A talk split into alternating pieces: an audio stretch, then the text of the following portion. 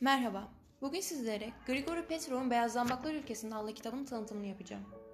Raflarda Atatürk'ün okulların müfredatına konulmasını istediği kitap olarak yerini alan Beyaz Ülkesi'nde Finlandiya'nın gelişim sürecini konu edinmektedir. Kitapta bataklıklar ve kayalıklar arasında yer alan doğal kaynak fakiri bu küçük ülkenin çalışma şevkiyle dolup taşan halkın gayreti ve azmiyle, aydınların yorulmak bilmeden halka eğitme çabasıyla, ayağa kalkarak yoksulluktan kurtulması, siyasi, ekonomik ve kültürel açıdan gelişmiş bir refah toplumuna dönüşmesinin hikayesi, köylüler, din adamları, askerler, öğretmenler ve diğer bütün halkın aydın bireyler önderliğinde ülkelerin beyaz zambaklar ülkesine dönüştürmeleri anlatılıyor.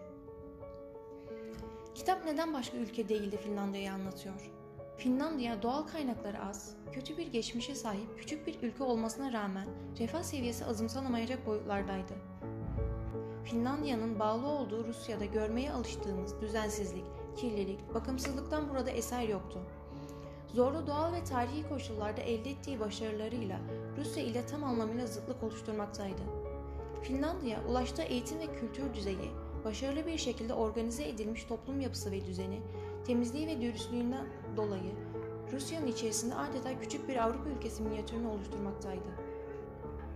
Finlandiya'nın bağlı olduğu Rusya'dan soyut anlamda daha yeşil olması, halkın bağımsızlık için verdikleri uğraş ve ülkelerini kalkındırma çabaları diğer ülkelerin kalkınmasına nazaran yazarın daha çok dikkatini çekmiş olmalı. Finlandiya'nın uyanışı nasıl oldu? Belli bir dönem İsveç'in egemenliği altında olan ve Rusya'nın özel bir bölgesi olan Finlandiya, İsveçlilerin ve Rusların arasında ezilmekten bıkmıştı ve uyanışı böyle gerçekleşti. Fin halkı ne İsveçli ne de Rus olmak istiyordu. Onlar Finlandiyalı olmak, kendi özünü ve kültürünü oluşturmak istiyordu. Bu isteklerine ulaşmak için çok çalışmaları gerektiğinin farkındaydılar. Bunun üzerine toplumun aydınları Finlandiya'nın tarihine, kültürüne ve diline yöneldi.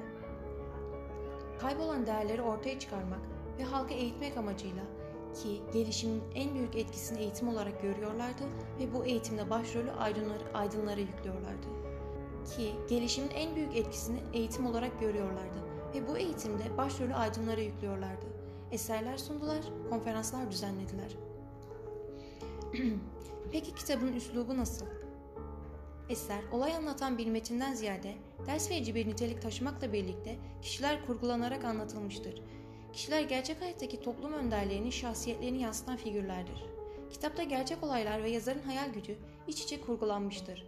Yazar film tarihinde biraz kurgulayarak anlatmıştır. Fakat bu gerçek tarihiyle tutarsız olduğu anlamına gelmez. Tutarlı, akıcı ve öğretici, iyi tasarlanmış bir eser ortaya koymuştur. Kitapta asıl anlatılmak istenen zaten film tarihi değil, diğer devletlerinde Finlandiya'yı örnek alarak kalkınmak için mücadele etmeleri gerektiğidir.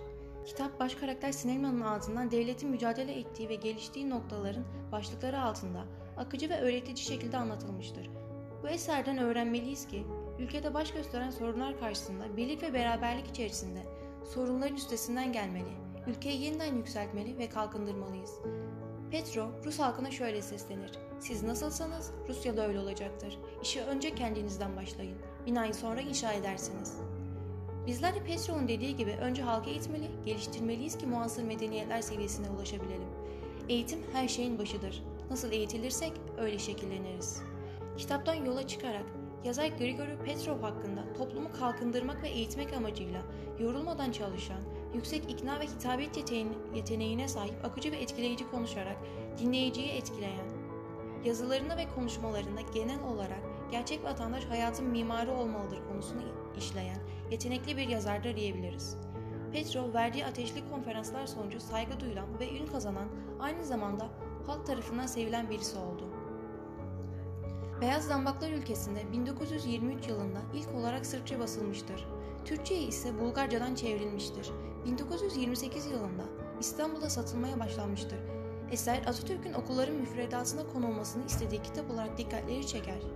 Kitap Türkiye'de yayınlandığında Atatürk'ün önderliğini yaptığı çağdaşlaşma süreci yaşanmaktaydı. Atatürk bu eseri okuduğunda çok etkilenmişti ve kitabı bütün eğitim kurumlarında özellikle de askeri okullarda okutulmasını istemişti.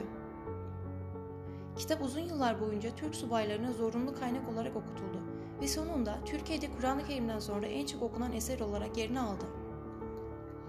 Yolunuza engeller çıkacak, başarısızlıklar olacak. Düşmanlarınız, yaptığınız işe karşı gelenler bazen zafer elde edecekler ama siz sönmeyin. Ümitsizliğe kapılmayın. Hiçbir zaman ellerinizi indirerek vazgeçmeyin.